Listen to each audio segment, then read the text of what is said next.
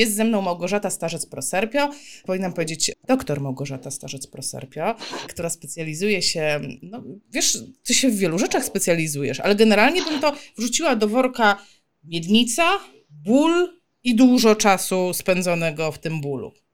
Dobrze, dobrze Tak, tak. No jestem fizjoterapeutą uroginekologicznym, ale właściwie większość ostatnio moich pacjentek to są te pacjentki z bólem przewlekłym w obrębie miednicy. Tak, i z nimi pracujesz na co dzień. E, I to jest taka ciekawa historia, którą chciałam się z Wami podzielić. Myślę, że to jest taki dobry punkt wyjścia do naszej dzisiejszej rozmowy. E, właśnie wspominałyśmy z Małgosią, jak się poznałyśmy. I to jest dosyć fajna historia, bo to było tak, że ja któregoś dnia po prostu ja pamiętam ten dzień. Normalnie pamiętam ten dzień, że jechałam samochodem i dostałam maila. No ja widzę na komórce, kiedy przychodzą maile, po prostu wyświetliło mi się. I tak patrzę, mmm, dobra, nie znam, no nie wiem, kto do mnie napisał. Ale jakoś, nie wiem, na światłach zaczęłam czytać pierwsze słowa i mówię, uuu, dobra, trzeba się zatrzymać. I Gosia, ja się po prostu zatrzymałam. W jakimś w ogóle, z tego co pamiętam, to w ogóle w jakimś lesie, ale mówię, dobra, trudno. Zatrzymałam się, przeczytałam całego tego maila. On był bardzo długi. On był bardzo długi. To był taki mail po prostu, po prostu wylane wszystko w tym mailu. I tak sobie pomyślałam, matko, jaka super osoba. Jaka ona musi być super, serio. I po prostu, nie no, musimy, musimy się poznać. W ogóle, w ogóle nie ma.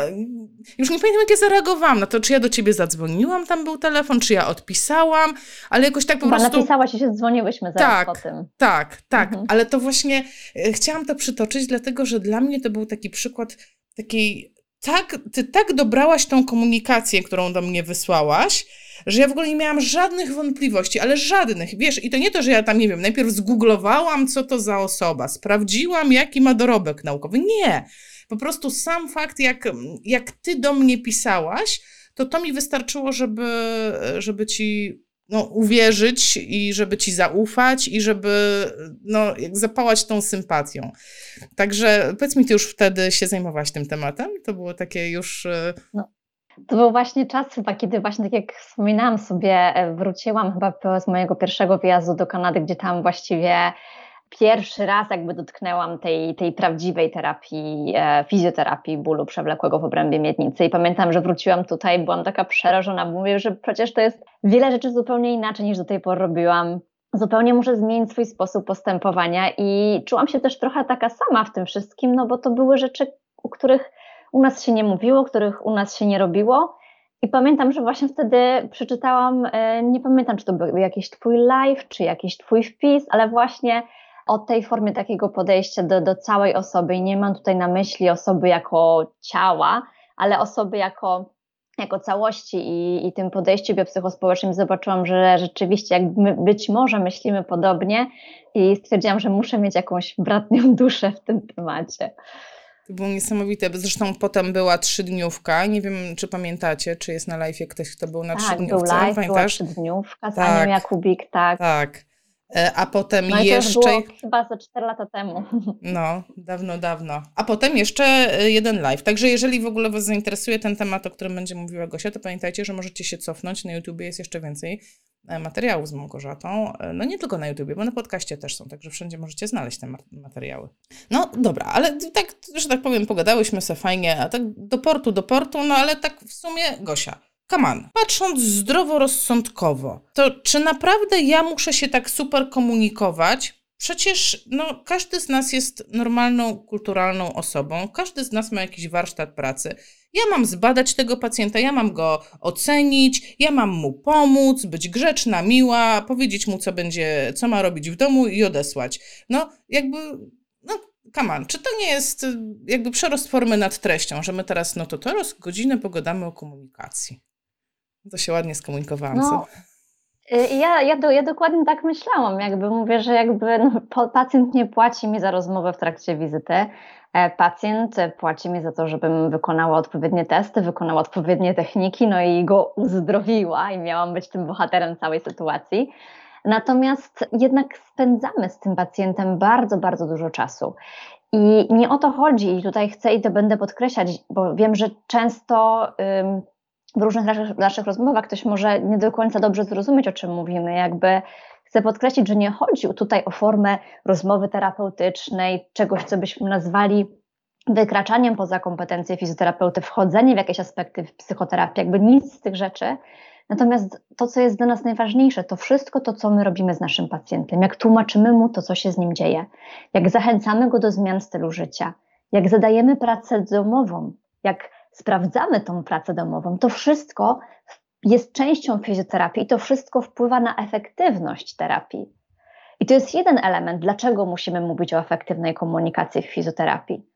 A drugi element to mamy coraz więcej danych naukowych, których nie możemy ignorować. Duże przeglądy systematyczne, badania randomizowane już w tym momencie, akurat tutaj w Ulwodyni ostatnio prezentowany na International Continence Society e, Abstract, które mówią nam, że ta relacja terapeutyczna, i nie mam tutaj na myśli takiej relacji, że my się lubimy z pacjentem, ale tej coś, co w języku angielskim mówimy alliance, czyli pewne jakby takie połączenie z pacjentem w stronę jednego z, z, zorientowanego wspólnego celu jest bardzo ważnym efektem e, terapii i bardzo ważnym czynnikiem prowadzącym do tej efektywności terapii, więc jakby o tym totalnie nie możemy zapominać. I tutaj zachęcam wszystkich Państwa, którzy nas dzisiaj oglądają, do e, przeczytania sobie przeglądu systematycznego, wcale nie nowego, to jest Julia Hash, Patient Satisfaction with Musculoskeletal Physical Therapy Care, a Systematic Review.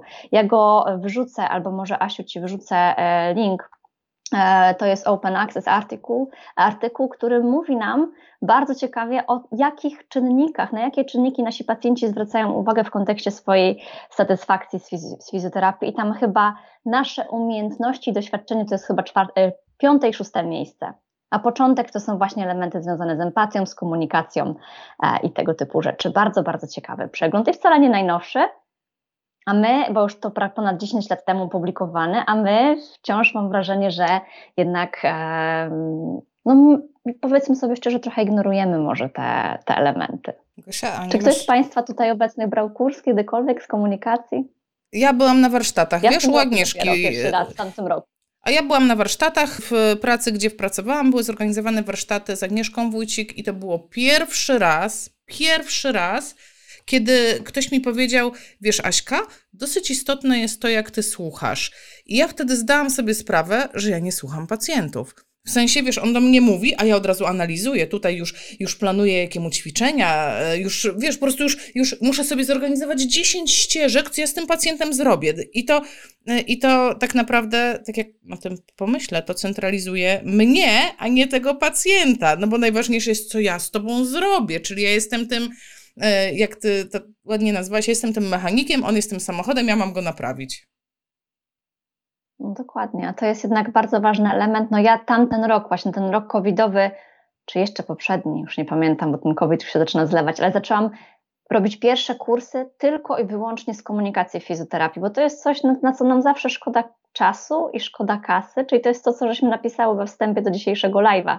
Coś, czego używamy na co dzień, ale czego nie praktykujemy, w co w ogóle nie inwestujemy, czego się nie uczymy.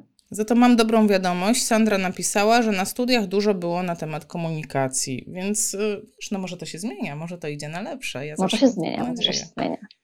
Bardzo no, się cieszę z tego powodu. No dobra, y, ale okej, okay. no to ja nawet to kupuję, że może ja nie powinnam być w centrum, ale jeśli ja nie mam być tą osobą, która y, jest liderem procesu rehabilitacji, patrz jak ładnie powiedziałam, że jeżeli to nie ja jestem właśnie tym mechanikiem, no to, no to co, przepraszam, to ten pacjent ma rządzić? Czy on ma sobie wygooglować, jak ma, jak ma się terapiować? No to jak to inaczej ma wyglądać?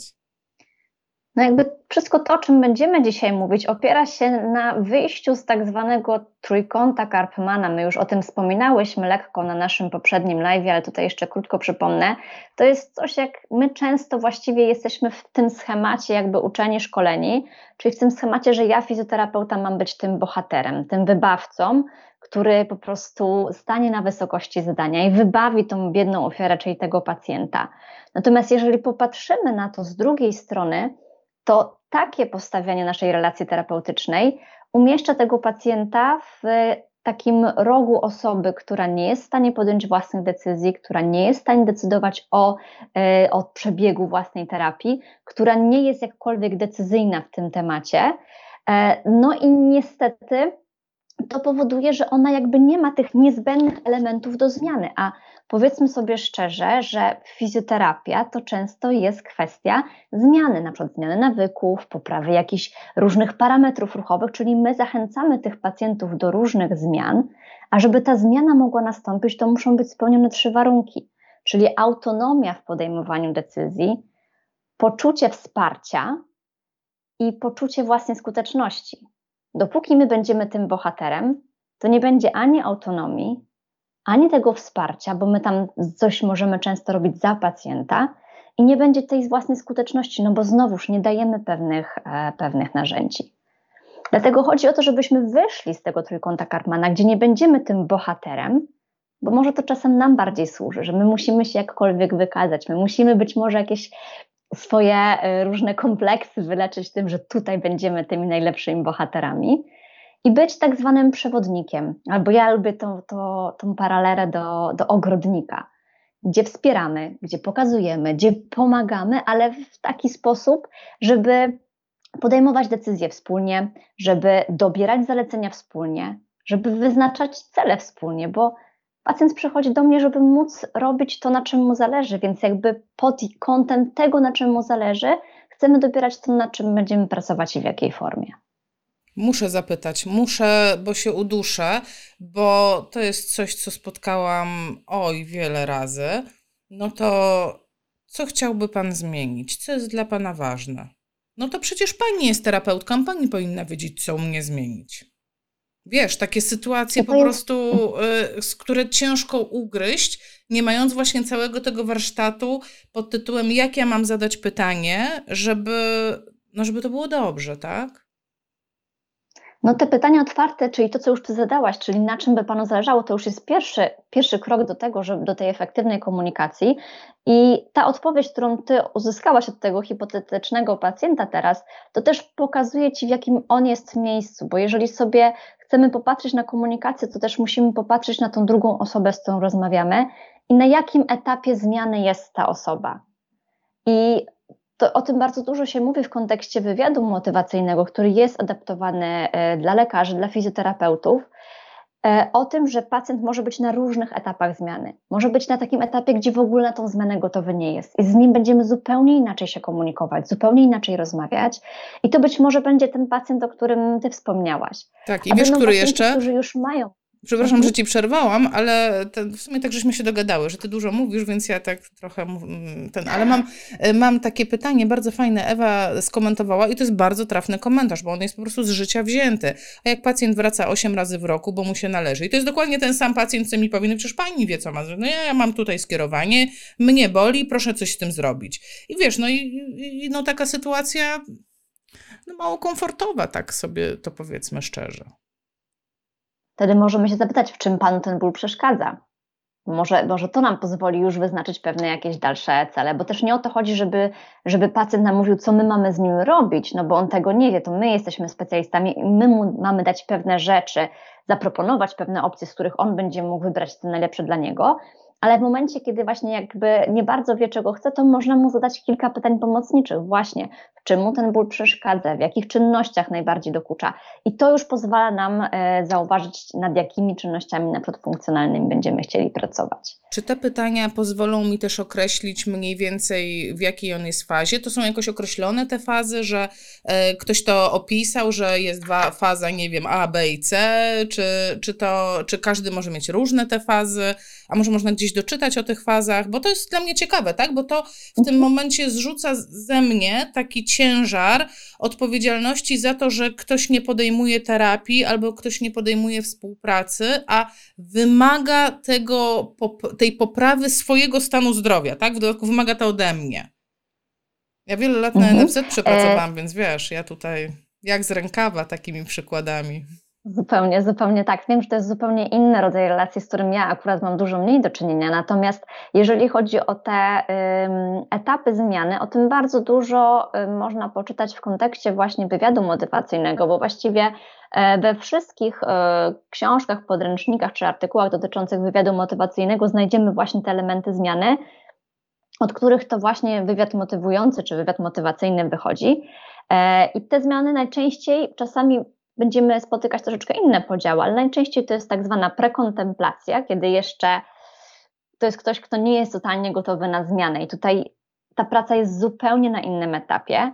Kontemplacja, kiedy już się zastanawia, zaczyna zauważać pewne e, niedogodności wynikające z tej jego aktualnej sytuacji, ten tak zwany preparation, czyli takie przygotowywanie się już do pewnych zmian, no i potem jest ta akcja, czyli to jest ten pacjent gotowy. I to są ci pacjenci, z którymi nam się najlepiej pracuje, i to są ci pacjenci, którzy powiemy: Kurde, tutaj sobie z nim dobrze poradziłam, tu byłam tym bohaterem, tu zadziałało, tu zrobiłam jedną technikę i od razu było super. No bo to będą często pacjenci, którzy już są gotowi na zmianę, którzy nie potrzebują zachęcenia do ćwiczeń, którzy zrobią to, co im powiemy. Tylko, że takich pacjentów jest bardzo mało. Dokładnie, dokładnie. A większość naszych pacjentów jest na tych poprzednich elementach zmiany i naszym też zadaniem jest w jakiś tam sposób odpowiednio dopasować tą komunikację, żeby przynajmniej częściowo troszeczkę ich zmotywować tam, gdzie jest możliwe ale poruszyłaś taki ciekawy temat, że jak on się szybko poprawił, szybko zareagował, no to it's me. To znaczy, że ja jestem turboterapeutką i nic mnie nie powstrzyma. Ale jeżeli nie poszło, nie ma tych zmian, no pacjent nie współpracował. No ja, ja mu powiedziałam, co ma robić. No nie wykonywał zadań. No, no, no co zrobić? No co zrobić? No na szkoleniu, które teraz realizujemy, bardzo fajnie było powiedziane, że trochę tutaj ta terapia to jest trochę tak jak debata czy dyskusja. No i w niej nie chodzi o to, kto wygra, kto ma rację, kto jest najlepszy, ale y, jeżeli właśnie dyskutujemy, próbujemy znaleźć pewien wspólny język, to zastanowienie się, dlaczego nasze zdania są odmienne, dlaczego coś się dzieje inaczej. I wtedy zaczynamy jakby z dwóch równych um, płaszczyzn, z, z, z dwóch różnych podejść E, I to, co ja bardzo lubię, to jest też jedna z takich metafor, która jest e, stosowana właśnie w tych treningach komunikacji w fizjoterapii, między innymi, to to, kiedy my mówimy, że możemy mu zaproponować pacjentowi pewne rzeczy. I to jest tak, że każdy z nas ma swoją górę. Nasz pacjent wychodzi po swojej górze, my też wychodzimy pod górę, ale na górze obok. I my możemy zobaczyć pewne zakręty, pewne e, dziury w tej drodze, których tych pacjent nie widzi, i możemy mu trochę też w tym pomóc, bo może widzimy trochę więcej, ale wciąż to pacjent musi sam zdobyć tą górę. I to jest bardzo, bardzo fajne porównanie, które pokazuje mi, że to jest jednak forma pewnej współpracy, wspólnego działania, ale bardzo często jakby ta praca, bez tej pracy pacjenta tego efektu odpowiedniego, szczególnie jeżeli mówimy o bólu przewlekłym, no to po prostu nie będzie. E, czy to oznacza, że ja powinnam się zaprzyjaźnić z pacjentem? Y, no i to jest to, co, co jest też bardzo właśnie ciekawe i um, o czym na, na kursie, który teraz e, realizuję, e, mówimy, y, to to, że ta relacja u nas, myślę, że u nas po polsku mamy po prostu słowo ta relacja terapeutyczna, natomiast oni tam rozdzielają dwie rzeczy, czyli therapeutic relationship, czyli taka jakby właśnie relacja, która ma na celu e, te elementy takie emocjonalne, zbliżenia z pacjentem, troszkę zaprzyjaźnienia się, a therapeutic alliance, czyli takie pewne, takie przymierze, trochę tak jak myślę też kontrakt, troszeczkę jak psychoterapeuci robią z pacjentami swoimi, gdzie ustalamy pewne cele, do których chcemy dążyć razem i wspólnie koncentrujemy się na tym, żeby je osiągnąć. E, I teraz, e, czekaj, bo się e, schowałam.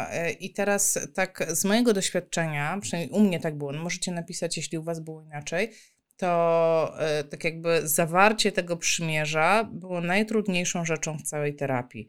Ponieważ jak, no nie wiem, tak w polityce jest, nie? Że jak dwa państwa chcą zawrzeć przymierze, to e, one się dobrze dogadują, tak? Po mojej stronie obowiązki są takie, takie, takie. Po twojej stronie obowiązki są takie, takie i takie. I razem dogadujemy się, że naszym celem jest to, to i to.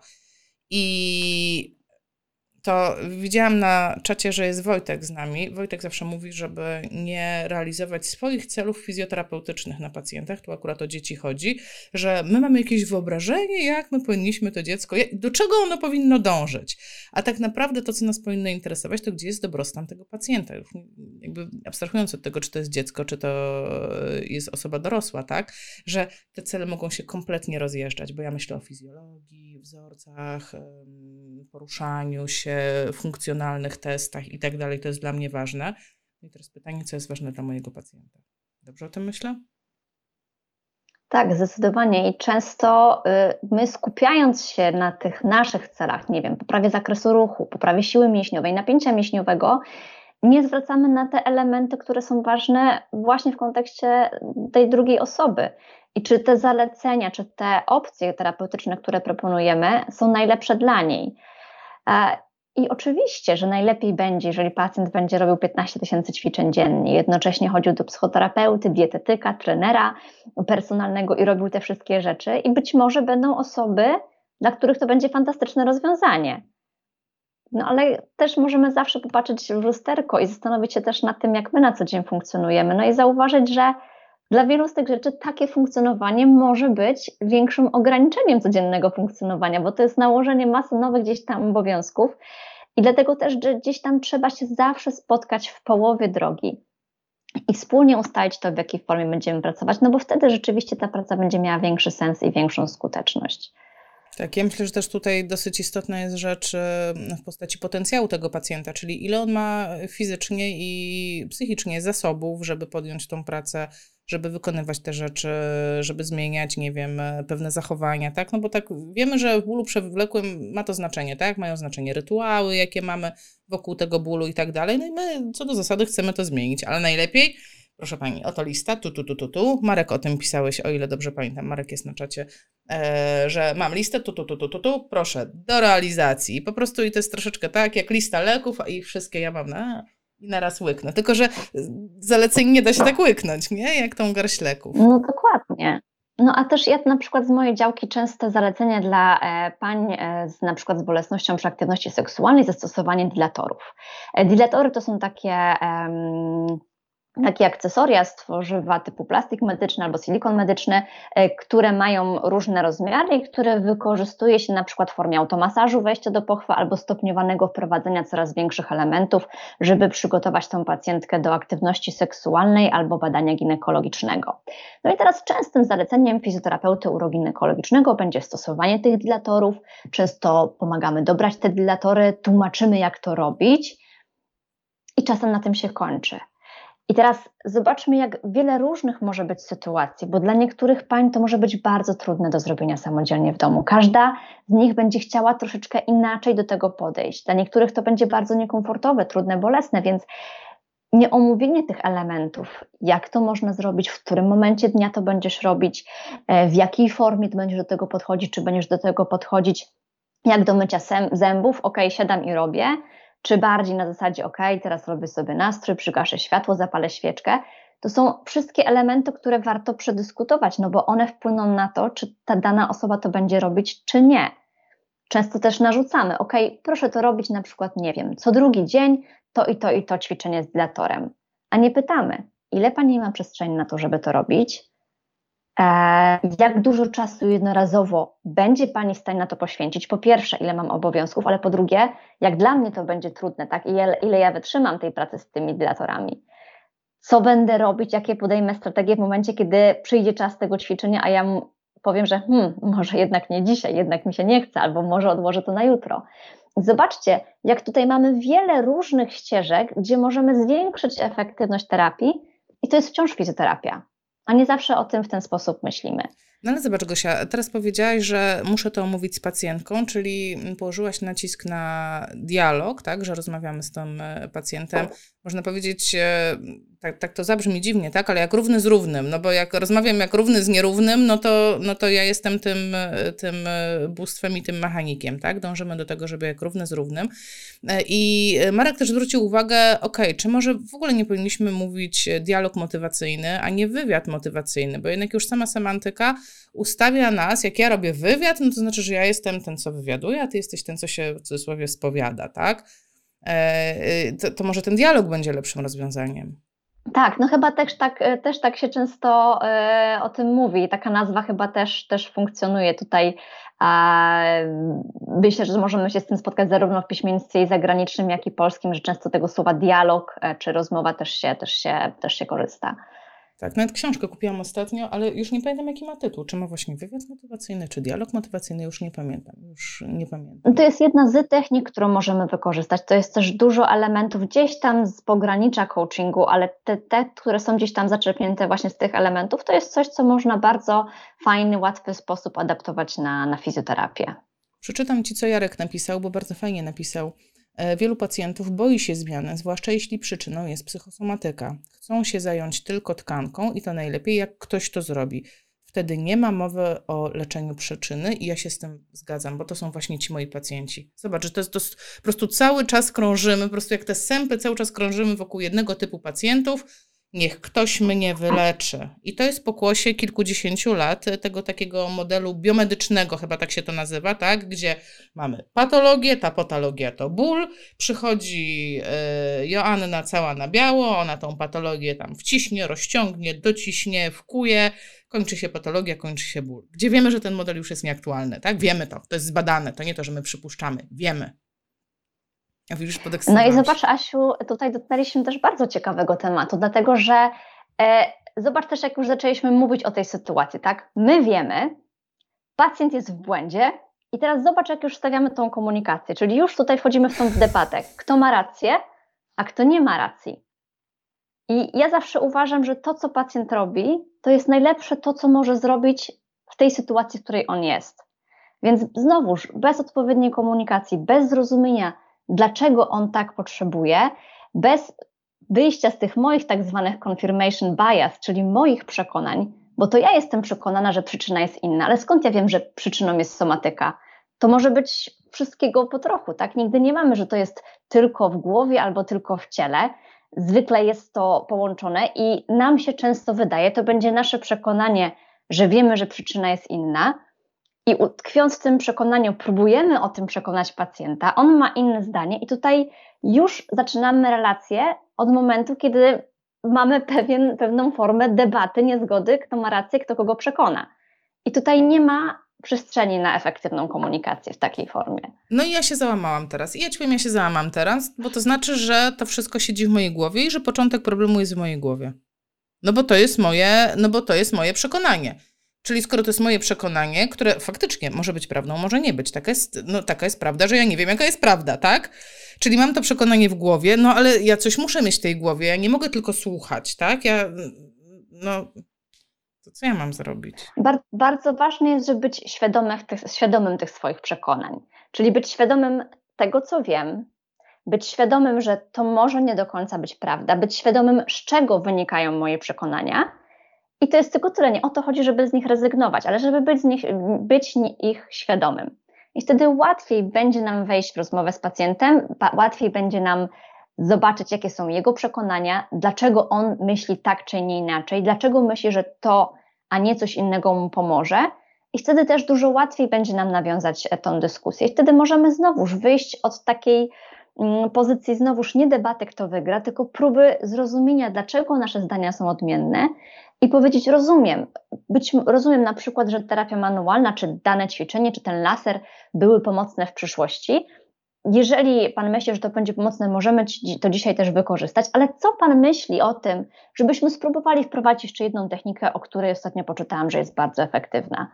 Czyli znowuż nie narzucam, proponuję, pytam się, co pacjent myśli, czyli wzmacniam to poczucie własnej skuteczności, e, wzmacniam jego decyzyjność, a, a znowuż te wszystkie elementy z zakresu komunikacji i te wszystkie, tą, tą, tą wiedzę, którą mamy, to nam powie to, że osoba jest dużo bardziej skłonna do zmiany, jeżeli ta zmiana gdzieś tam wychodzi od niej, a nie jest narzucona przez kogoś. Tak, nie wiem, wiesz, czy jasno się wyraziła. Tak, w mojej ocenie zdecydowanie tak. Ewa skomentowała, pacjent chce dotyku, e, a ja pójdę w drugą stronę. Ok, pacjent chce dotyku, a my teraz mówimy, ale że bardzo ważne jest to, co ty mówisz i jak ty mówisz i co ty chcesz. Ja mam takie poczucie, hello, hello, dryfujemy w stronę psychoterapii, dryfujemy na morza, w których y, po prostu nie mamy kompetencji. Wiesz, gdzie jest ta granica? No, no bo ja chociaż zdarzyło mi się spędzić z pacjentem dwie i pół godziny. Był bardzo ciężki pacjent, bardzo cię, z takim bardzo ciężkim bólem, przed, w dodatku ostrym. To, był hit. Dwie i pół godziny, z czego pół godziny to było badanie fizjoterapeutyczne, ale dwie godziny w ogóle rozkminialiśmy, co tam się z nim dzieje. I w sumie wyszło, że tak naprawdę to mu się świat zwalił na głowę. I w ogóle Gosia, hit, bo on wyszedł po tych dwóch i pół godzinach, on wyszedł na własnych nogach, schylając się normalnie, pełna ruchomość, a przyszedł sztywny, żona go wyciągała z samochodu w pasie, w ogóle zdejmowała mu buty, no cały cyrk przy tym był. I on po prostu uleczył się w dwie i pół godziny. I z jednej strony, ja wiem, że ta praca była e, potrzebna, no zadziałało, ale to kompletnie takie mam poczucie, że jednak to nie były moje kompetencje. Może ja za daleko poszłam. Może, wiesz, no jakby ile można gadać? Ile można gadać?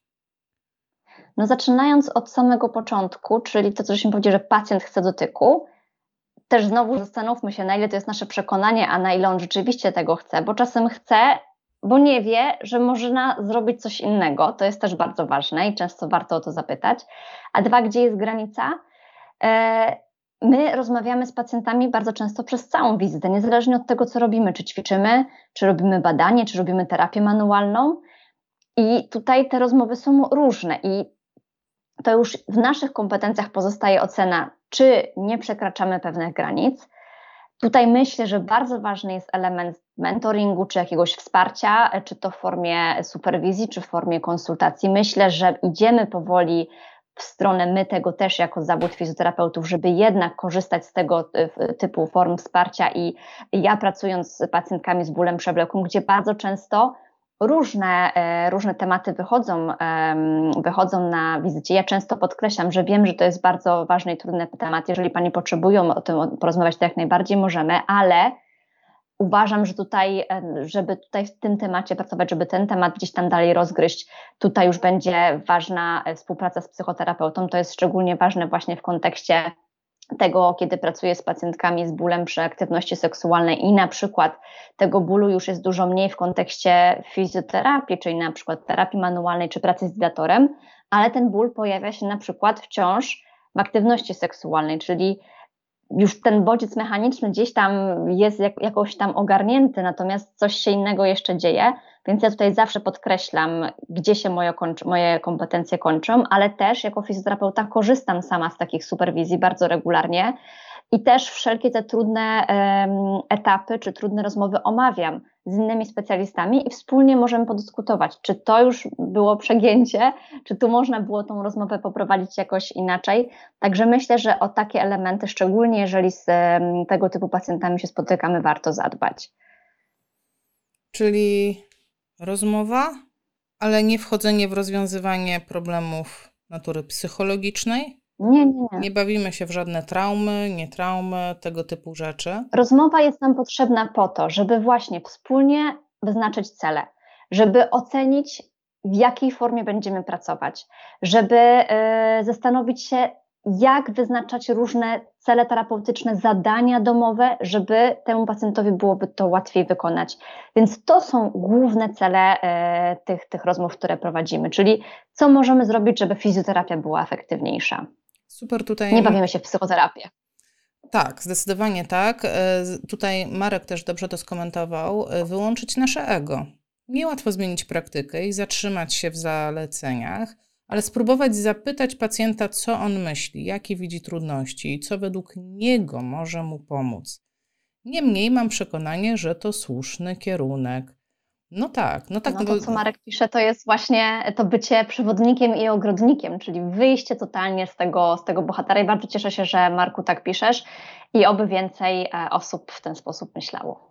Tak, e, wiesz, a chciałam Ci przeczytać e, komentarz Eweliny, który, który też uważam sporo wniesie do naszej dyskusji i jest spójny z tym, o czym opowiadasz. I Ewelina pisze, e, że to ona y, mówi z perspektywy pacjenta. Pacjent w gabinecie często spotyka się z obrazem siebie, widzianym tylko w, y, tylko w deficytach, bo tu pani ma problem i tu i tu. Dostaje zalecenie badań, jeszcze ćwiczenia do domu, które są często, a wykonalne, to jest też super Ewelina, że to podkreśliłaś, za trudne ćwiczenia często dajemy do domu. I często nikt nie pyta, po co przyszedł. To zderzenie ja, jako ktoś, kto przyszedł do specjalisty po pomoc, ja, ktoś, kto jest jednym wielkim deficytem, terapia zadziała, jak będzie skoncentrowana na rozwiązywaniu problemu. Ale y, dla mnie sedno, to co ja słyszę najbardziej w tym komentarzu spośród tych rzeczy, to to jest to, że oceniamy pacjenta przez pryzmat jego deficytów, czyli przez pryzmat tego, czego ty nie masz, a nie przez pryzmat tego, a co ty możesz zrobić pomimo tego, że ty tam nie masz różnych rzeczy. To jest y, tutaj y, akurat terapeuci PNF myśli w tym momencie sobie myślą, jest, my robimy inaczej, my robimy inaczej, my szukamy pozytywów. No to jest dokładnie też chyba, co tutaj powoli jakby przechodzimy w ten temat, na którym Kamilowi górze zależało, bo znowuż to jest, zobaczcie, fizjoterapeutyczna komunikacja, ale jeżeli my zasypujemy pacjenta tym, co ma krzywe, jaki ma deficyt, jakie ma e, dysbalanse napięciowe, dysbalanse ciśnień, które my musimy wszystkie wyrównać. E, te wszystkie elementy związane e, z asymetriami, które gdzieś tam posiada. To jest osoba, która wychodząc z takiej wizyty ma wrażenie, że po prostu wszystko jest z nią nie tak.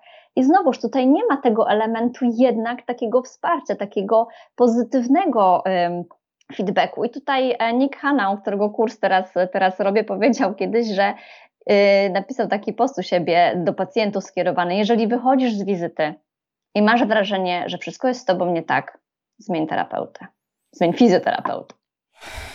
I to było, i to było bardzo ważne, y, bo to jest właśnie to nocebo też, o którym pisał, y, pisał Kamil. My się skupiamy, co trzeba naprawić i mocno wchodzimy w rolę mechanika, czyli już zaczynamy tą naszą relację terapeutyczną nie od tej strony. Nie skupiając się na tym, co jest ok, co możemy wykorzystać, co możemy zrobić i też nie pytając pacjenta, co on chce zrobić, czego on potrzebuje. To jest coś, o czym też wspominałyśmy w naszym ostatnim live, czyli to są wszystkie te mm, pacjentki czy kobiety po porodzie, z którymi pracuję, które chcą wracać do aktywności fizycznej, a którym tej aktywności fizycznej się zakazuje. I znowuż ważne jest wiedzieć, kiedy mamy jakieś procesy gojenia, które wymagają zwolnienia, tempa i tak dalej, ale bierzmy też pod uwagę, że bardzo ciężko ruchem jest sobie zrobić krzywdę. I dla mnie, w kontekście moich e, pacjentów, szczególnie tych z bólem przewlekłym, mniej mnie martwi, czy super technicznie wykonują ten ruch, ale co czują, jak wykonują ten ruch. I to jest też bardzo ważna zmiana. I teraz, jeżeli my będziemy pacjentom komunikować, że to jest źle, to jest do naprawienia, często używając bardzo skomplikowanych słów, których, które mogą być dla nich niezrozumiałe, niestabilność, dysbalans napięcia, dysbalans ciśnień, wzrost ciśnienia, który będzie powodował obciążenie. To jest coś, co pacjenta bardzo przeraża i to jest to nocebo, które może powodować e, element związany z lękiem przed ruchem, przed podjęciem jakiejkolwiek formy aktywności fizycznej, ale też zmniejsza kompetencje tego pacjenta, bo on się teraz czuje taki malutki, nic z tego nie rozumie, ale wie, że jest bardzo źle. Tak. Nic nie może sam z tym zrobić. Tak, to takie podejście powiedziałabym przekalkowane z gabinetów lekarskich, tak? Gdzie wchodzisz, tam jest bardzo mało czasu, no chyba, że ktoś prowadzi taki gabinet, że ma dużo czasu, no bo takie rzeczy też się zdarzają, ale generalnie na NFZ, no to wchodzisz, po prostu pierunem wywiad, pierunem badanie, no bo następni czekają, 20, zalecenia i do domu. I po prostu jesteś tylko tą patologią, która przyszła. I niczym tak naprawdę więcej. E, o, Marek znowu napisał, mamy psychologię w biznesie, mamy w edukacji, mamy w zarządzaniu, to po prostu poprawia skuteczność. W medycynie też może poprawić skuteczność. Tak, i chyba są nawet badania na to, nie? Że jak jest ta pozytywna komunikacja, o rany, już dawno, dawno temu czytałam badania, w których, e, których, w których robili dokładnie tą samą e, procedurę, tam nakłuwali, pamiętam, takie badanie było, że jakąś akupunkturę robili, ale w jednej grupie robili tylko akupunkturę, po prostu wchodził terapeuta, tak, tak, tak, tak, wychodził, a w drugiej ten terapeuta jeszcze był taki rozmawiający, yy, troskliwy, zainteresowany i okazało się, że ta grupa y, troskliwych lepiej się poprawiła. A ta sama po prostu procedura. Hit. Co ciekawe, jeszcze w kontekście tego nocebo, to też są e, bardzo ciekawe badania, jacy fizjoterapeuci najwięcej stosują nocebo i tutaj też w kontekście tego, co Kamil pisał, ta retoryka strachu, czyli to też trochę straszenie tego pacjenta, że jak tutaj nie wyrównamy tych napięć, no to tam już wszystko w ogóle tak się, e, tak się zdysbalansuje, że to już tego nigdy nie wyprowadzimy. E, oczywiście troszeczkę przesadzam, no ale tak czasami nasi pacjenci to rozumieją.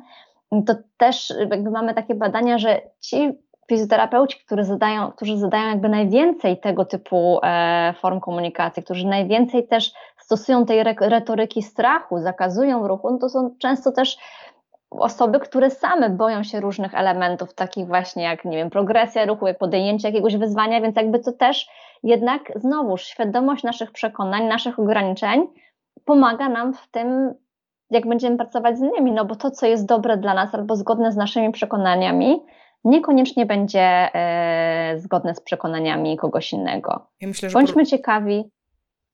Ja myślę, że poruszyłaś tak, niesamowity temat. Zadajmy pytania. E, poruszyłaś temat taki własnych lęków. I to jest coś, z czego ja sobie zupełnie nie zdawałam sprawy, dopóki właśnie nie przeczytałam jakichś badań, czy w jakimś artykule to było napisane, że jak e, fizjoterapeuta boi się ruchu, to przerzuca ten lęk na tego swojego pacjenta i w konsekwencji obydwoje się boją ruchu i obydwoje nic nie będą robić. I wiesz, ja zaczęłam potem analizować, jak ja pracuję z pacjentami. I rzeczywiście, jak były jakieś rzeczy, jakieś moje przekonania, że na przykład mnie tam coś tam szkodzi, to ja już tych ćwiczeń nie zalecałam pacjentom. I koniec. I teraz patrz, i teraz patrz, dochodzimy znowu. E, Kamil po prostu bohaterem drugiego planu e, w dzisiejszym live'ie. I jeżeli na przykład Kamil mówi nam, słuchajcie, możecie zastosować trening siłowy w terapii przewlekłego bólu. W ogóle spoko, możecie to zastosować i ma to swoje dowody naukowe, pokazuje jak, jak to ugryźć, z której strony. A teraz moje wewnętrzne przekonanie jest takie, że jak dźwignę sztangę, to się rozpadnę na kawałki. Dyski mi wystrzelą po prostu jak te pestki z między palców. Wiesz, ta cała, te całe historie, które mamy gdzieś tam powkładane do głowy. No to wiesz, ja sama się boję tej sztangi, a co dopiero jeszcze ją pacjentowi dać. To trzeba zacząć zmianę od kogo? Od siebie, no. Mm. Oczywiście. No. no znowuż, też często to są nasze, nasze przekonania, tak? Nasze przekonania, że jeżeli ta pacjentka będzie biegać po porodzie, to jej wszystko wypadnie. Może tak, może nie. Zależy też, jak będzie biegać. Czy będzie biegać 10 km dziennie, czy pójdzie sobie na truchcik dookoła bloku, kiedy dziecko śpi. I znowuż moje przekonanie, że to jej zaszkodzi, wpłynie na to, że ja jej będę czegoś zakazywać, a ona, moment ten, kiedy ma ochotę poćwiczyć i poćwiczyłaby, trochę by się poruszała, ze strachu tego nie zrobi. Tak. Tak, jeszcze jeden komentarz prze, przeczytam. Zachęcę Cię, Gosia, żebyś potem zajrzała do komentarzy. Nie mam, słuchajcie, szansy przeczytać wszystkich, ale ten mnie po prostu tak ujął. Napisała Kasia, która jest logopedą i pisze tak. Przychodzą do mnie przedszkolaki z rodzicami. Poza rozmową z rodzicem, nie w obecności dziecka, zawsze pytam młodego, czy wie po co przyszedł. Pytanie pomocnicze. Czy sądzisz, że masz jakiś kłopot z mówieniem?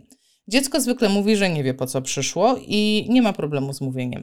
I wow, i ja te dzieci też widuję w swoim otoczeniu. Po prostu, no to już jest chyba w ogóle hit, takie ukrywanie przed dzieckiem tego, że ma jakiś problem. I potem jak to dziecko ma radzić sobie z problemem, albo jak ma na przykład wykonywać pracę domową, tak? No bo teraz zawinijmy troszeczkę do, do portu pod tytułem dobra, to musisz wziąć odpowiedzialność za siebie, to ja e, mamy te nasze przymierze, zawieramy je, no ale teraz no nie wszystko będzie na moich barkach, no bo żeśmy się dogadali, że pracujemy we dwoje i teraz ty musisz zacząć coś robić i ja ci powiem, co masz robić. A on i tak nie robi. No to w końcu kto zerwał przymierze? No tutaj y, warto się zastanowić właśnie, że czyja, czyja jest to wina i zastanowić się, jakie daliśmy zalecenia, czy wspólnie je ustaliliśmy, czy daliśmy je odgórnie. Będziesz robić to, to i to, tyle i tyle razy dziennie. E, no bo też właśnie było takie pytanie chyba na samym początku, jeszcze przed naszym live'em, że często my się nagadamy, a pacjent tego nie zrobi. No i pytanie właśnie, czego nie zrobił? Dlaczego? Być może coś innego się wydarzyło w jego życiu. Jakby to, co jest w gabinecie, to, co ta druga osoba nam mówi, to, to jest tylko wierzchołek góry lodowej. Nie wiemy, jak wygląda jej życie, nie wiemy, jak wyglądają jej codzienne obowiązki, ile różnych innych rzeczy musi zrobić na co dzień.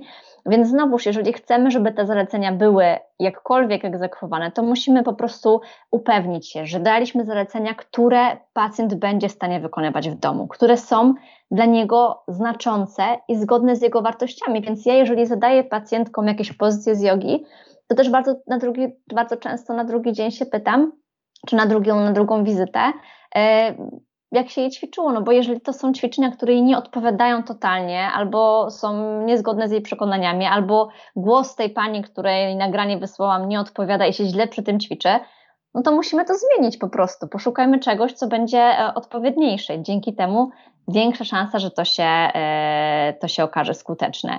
Niech to będzie realistyczne i też upewnijmy się, że ta druga osoba rozumie, po co coś zadajemy, bo znowuż mamy masę danych, które mówią nam, że jeżeli dana osoba rozumie, dlaczego ma takie, a nie inne ćwiczenie wykonywać, czemu ono służy, to dużo łatwiej się do niego zmotywuje i dużo lepiej będzie je robić. Jest hit komentarz, który przeczytam komentarz i skomentuję go, a ty nas rozsądzisz. O, pięknie. Ewa pisze: Zawsze pytam pacjenta, czy wszystko ok i czy go nie zepsułam. I teraz uwaga, mój komentarz.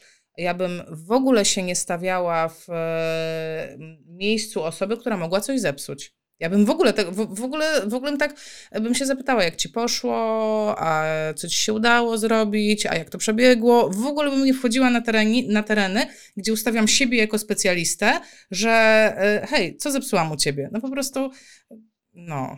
I teraz rozsądzę. No ja też z tym zgodzę, bo tutaj zepsuć może znowu ten, co naprawia. A my nie chcemy naprawiać, nie chcemy być mechanikiem. Nie chcemy być mechanikiem. Chcemy no. być przewodnikiem, chcemy być ogrodnikiem, chcemy wspierać, ale nie nadmiernie, ale też nie za mało, tyle ile potrzeba. Ale też, też znowuż tutaj przykładamy odpowiedzialność tylko na nas, a ta odpowiedzialność stoi po obu stronach. E, powiem Ci, byłam kiedyś, relacja ze strony pacjenta, byłam kiedyś w procesie odchudzania u dietetyczki i pamiętam ten dzień, no, no oczywiście no tam wywiad, wszystko, badania, no to, to wszystko co trzeba. Mija pierwszy tydzień, ja do niej wracam, bo to co tydzień się chodziło i ona się pyta, e, jak mi poszło? A czy mam wsparcie rodziny? Czy były jakieś trudne sytuacje, w których mogłaby mi pomóc? Gosia, ja byłam w takim szoku, że ona mnie pyta o takie rzeczy. Mówię, kurde, dietetyk miała mi przepisać dietę i puścić do domu. No przecież to jest moja odpowiedzialność, że ja mam jeść to, co ona tam napisała. I wiesz, i to była niesamowicie e, skuteczna dieta, w sensie niesamowicie skuteczne odchudzenie. Wtedy jakąś po prostu kosmiczną ilość kilogramów schudłam i w dodatku trzymałam to bardzo długo, no bla, bla, bla. Ale właśnie pamiętam, że na każdym spotkaniu ona się mnie pytała, jak mi idzie, czy może mi pomóc, jakie były trudne sytuacje, które mogłybyśmy przewidzieć, żeby następnym razem nie były trudne. Po prostu wow. Jak mnie pani ogląda, jak mnie pani ogląda, to niech się pani do mnie odezwie, bo nie mogę pani znaleźć, do mojej dietetyczki mówię, niech pani mnie odnajdzie. Nazwałabyś to Asiu psychoterapią? Nie, w życiu, wsparcie. po prostu zadawała Ci pytania, które pomogły osiągnąć te wspólne cele, które sobie wyznaczyłeś. Dlatego też bardzo dziś mam w sobie taką dużą niezgodę, kiedy, kiedy wspomina się o komunikacji i zawsze pojawia się ten, ten element, no to nie są nasze kompetencje, to nie jest psychoterapia. Jakby tutaj wtedy pokazujemy, że nie rozumiemy, czym jest psychoterapia, bo jakby to są zupełnie inne elementy, a komunikacja to jest efektywna forma porozumiewania, porozumiewania się, celu osiągnięcia celów fizjoterapeutycznych, które sobie wspólnie wyznaczyliśmy. Ja to kupuję, ja to kupuję. E, wiesz co, jeszcze e, takie ciekawe pytanie jest od Kamila. Czy e, zauważasz tą taką typologię pacjentów typu tam sangwinik, melancholik, choleryk, flegmatyk? I czy są jakieś konkretne rozwiązania pod te typy? Jak ty w ogóle to widzisz? W ogóle interesuje cię to?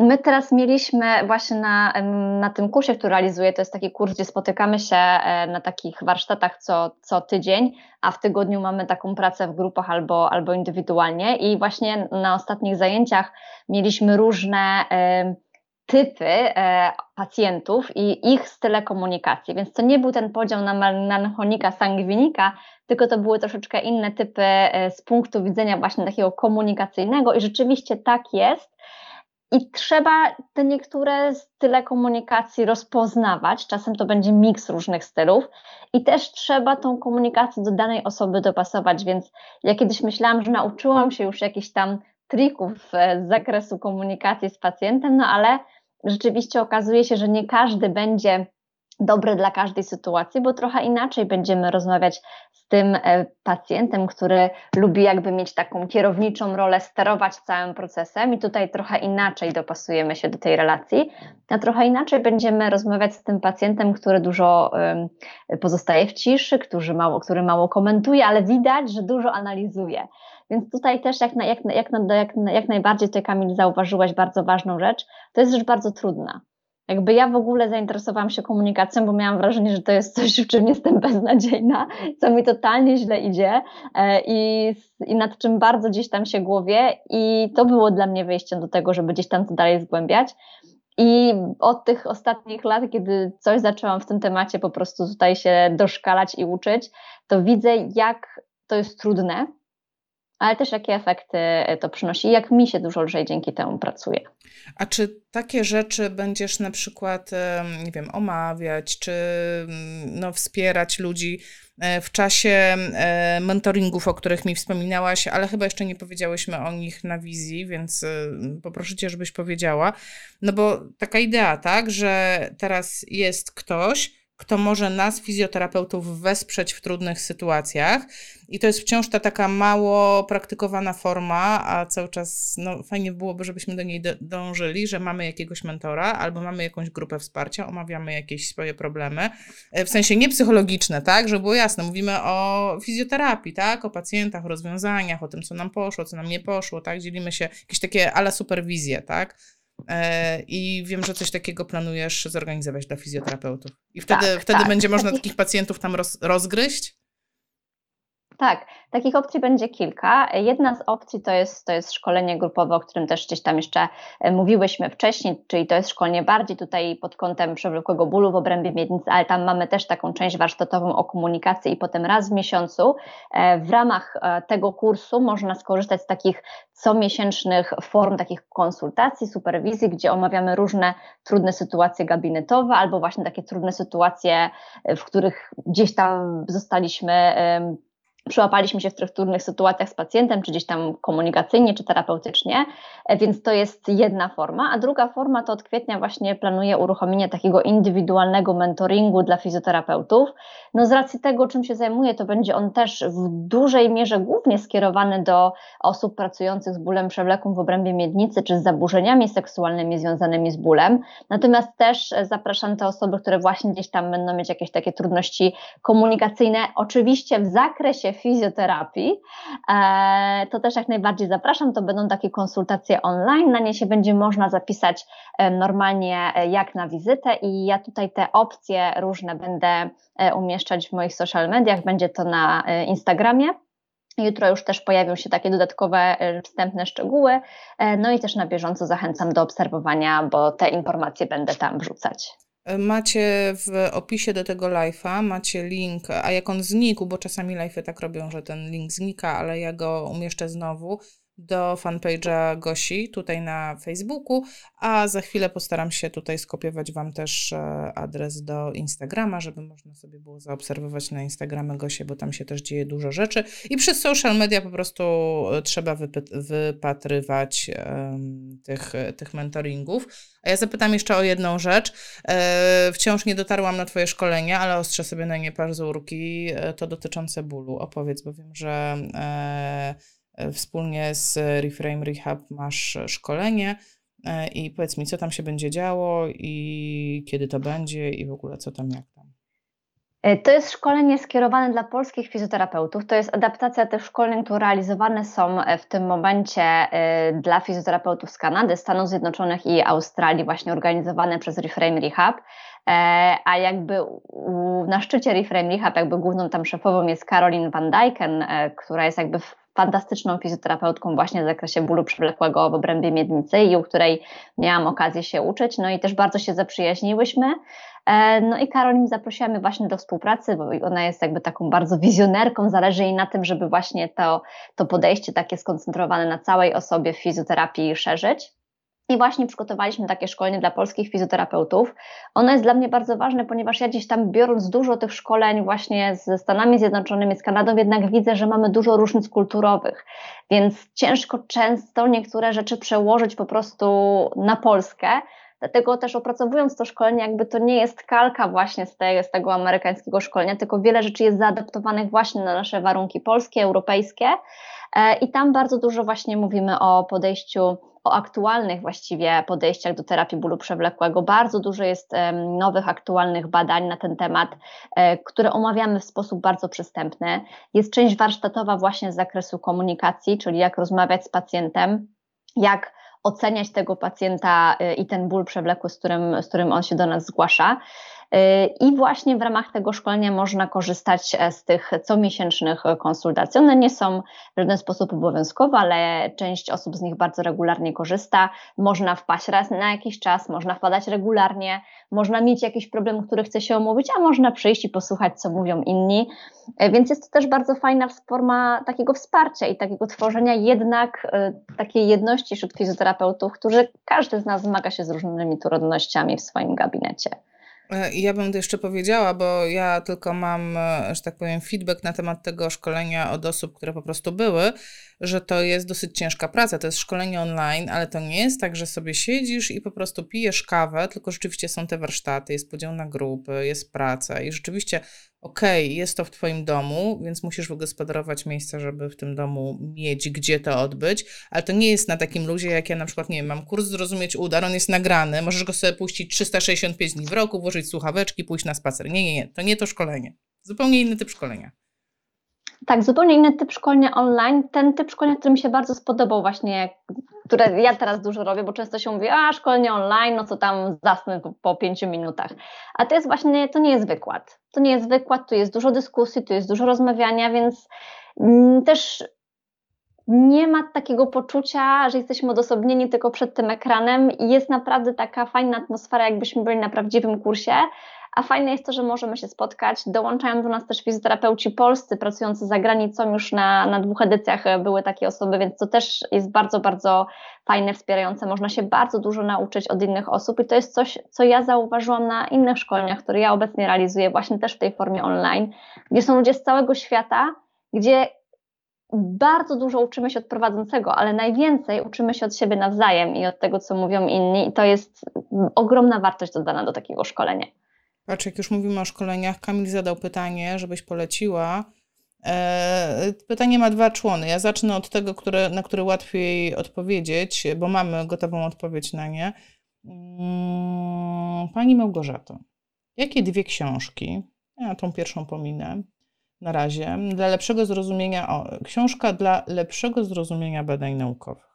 Jak lepiej zrozumieć badania naukowe? Ja to prze, prze, przemodeluję to pytanie. Gosia, jak lepiej zrozumieć badania? Najlepiej, ja rozwinę, Kamil, przepraszam cię, jeśli ci popsujesz szyki, rozwinę to pytanie, a może da się za darmo?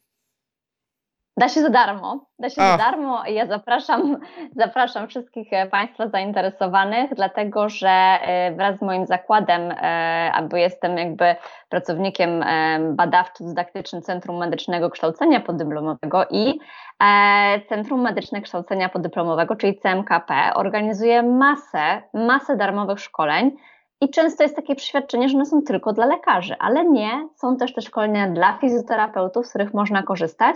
I jednym z takich szkoleń jest nasze szkolenie, dwudniowe szkolenie marcowe z interpretacji e, i projektowania nieinterwencyjnych badań naukowych. I to jest fantastyczne szkolenie przygotowane przez kilka osób, które pozwala zrozumieć najważniejsze elementy, e, jak interpretować badania naukowe, jak je czytać, na co zwrócić uwagę w tej edycji skupiamy się na badaniach nieinterwencyjnych, natomiast to jest fajny początek i też większość badań, których mamy w fizjoterapii, to jednak wiele z nich jest po prostu badaniami nieinterwencyjnymi, ale one też są bardzo ważne.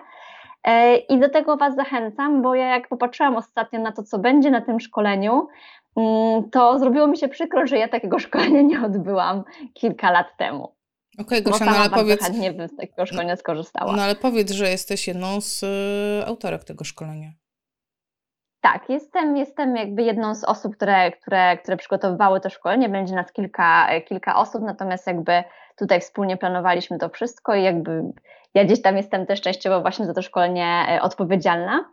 Natomiast nie tylko ja będę wykładać, więc jak kogoś denerwuje mój głos, to nie martwcie się, to nie będę, to nie będę tylko ja. E, będą też inni specjaliści i szkolenie bardzo, bardzo, bardzo ciekawe. Jeśli chodzi o książki, to właśnie sobie e, otwieram E, właśnie ty, sobie czy, otwieram, to ty sobie e, otwieraj, ty sobie otwieraj, a ja odpowiem na pytanie. Sandra się pyta, jak znaleźć to szkolenie. Jak spojrzysz, Sandra, troszkę do góry na czacie, to ja już je wkleiłam. Linka do niego wkleiłam i tam no, nie chcemy straszyć, ale miejsc już nie jest nie za dużo, także biegnijcie, jak jesteście zainteresowani, żeby się zapisać. A co sądzisz o książce? Znaczy, co sądzisz? No, głupie pytanie. Ja na przykład mega jestem zadowolona z tego, że przeczytałam książkę Janiny Bąk, statystycznie rzecz biorąc. I zrozumiałam, na czym polega statystyka, wiesz, na przykładzie lodów, rybek, pand i fok. E, ja nie doczytałam jej do końca, bo dla mnie może jakby też, no ja już ją dostałam, jak już kończyłam doktorat, więc dla mnie pewne rzeczy no już na tym etapie no nie były już tak, tak jakby nowe, e, więc ja może niekoniecznie, natomiast ja bardzo e, skorzystałam z książki, którą tutaj próbuję właśnie znaleźć, którą też wrzucałam do, y, do kursu jako jedna z propozycji, ale to myślę, że po prostu ją wrzucę w, w komentarzu, bo teraz bym musiała przejść przez całą tą prezentację. Ciężko mi jest ją znaleźć. A też mam dwie bardzo fajne książki, które w prosty sposób pozwalają zrozumieć te elementy statystyczne, które się pojawiają w badaniach, ale też całą metodologię badań.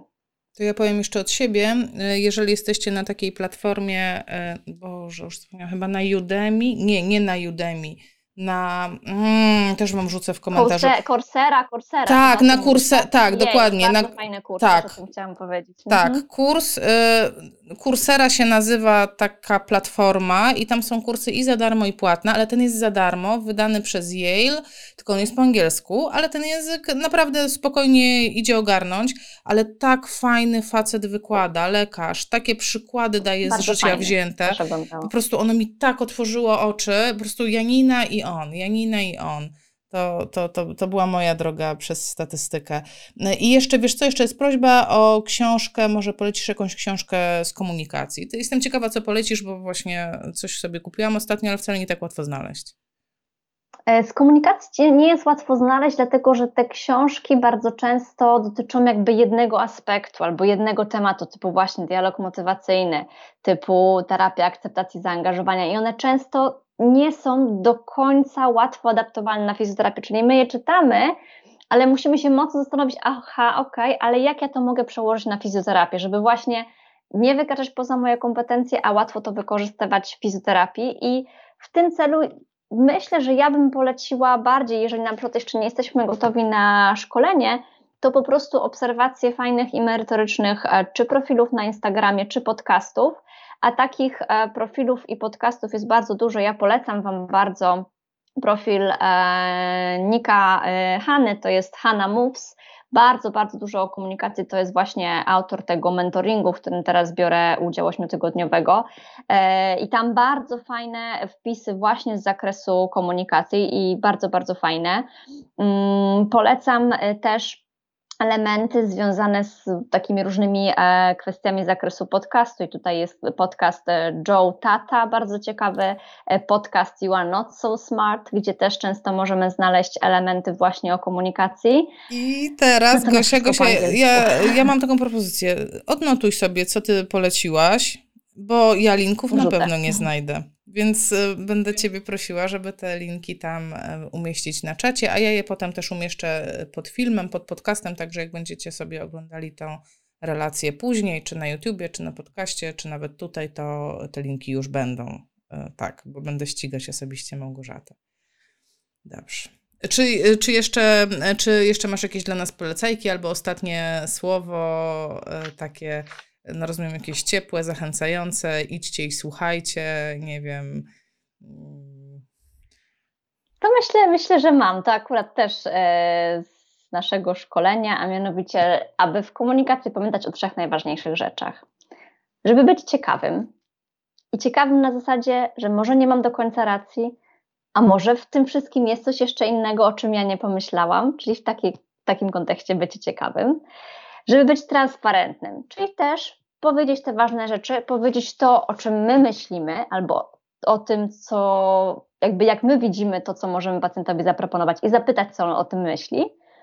I być też takim wspierającym, empatycznym, bo bądźmy ludźmi po prostu w tym wszystkim. To też jest bardzo ważne. Myślę, że bardzo ładne zamknięcie. Bardzo Ci, Gosia, dziękuję za dzisiejszy dzień. Jestem przeszczęśliwa, że zechciałaś być po raz kolejny gościnią na tym kanale. Wam super dziękuję za ostatnią godzinę, za to, że spędziliście z nami poniedziałkowy, e, poniedziałkowy wieczór.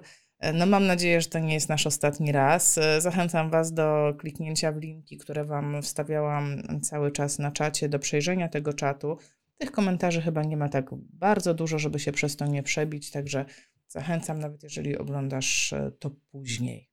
Gosia, jeszcze raz serdecznie dziękuję i Do zobaczenia, do napisania, do zadzwonienia, do wszystkiego. Idźcie i rozmawiajcie, ale ja z głową. Sandra, Sandra podsumowała. Cześć.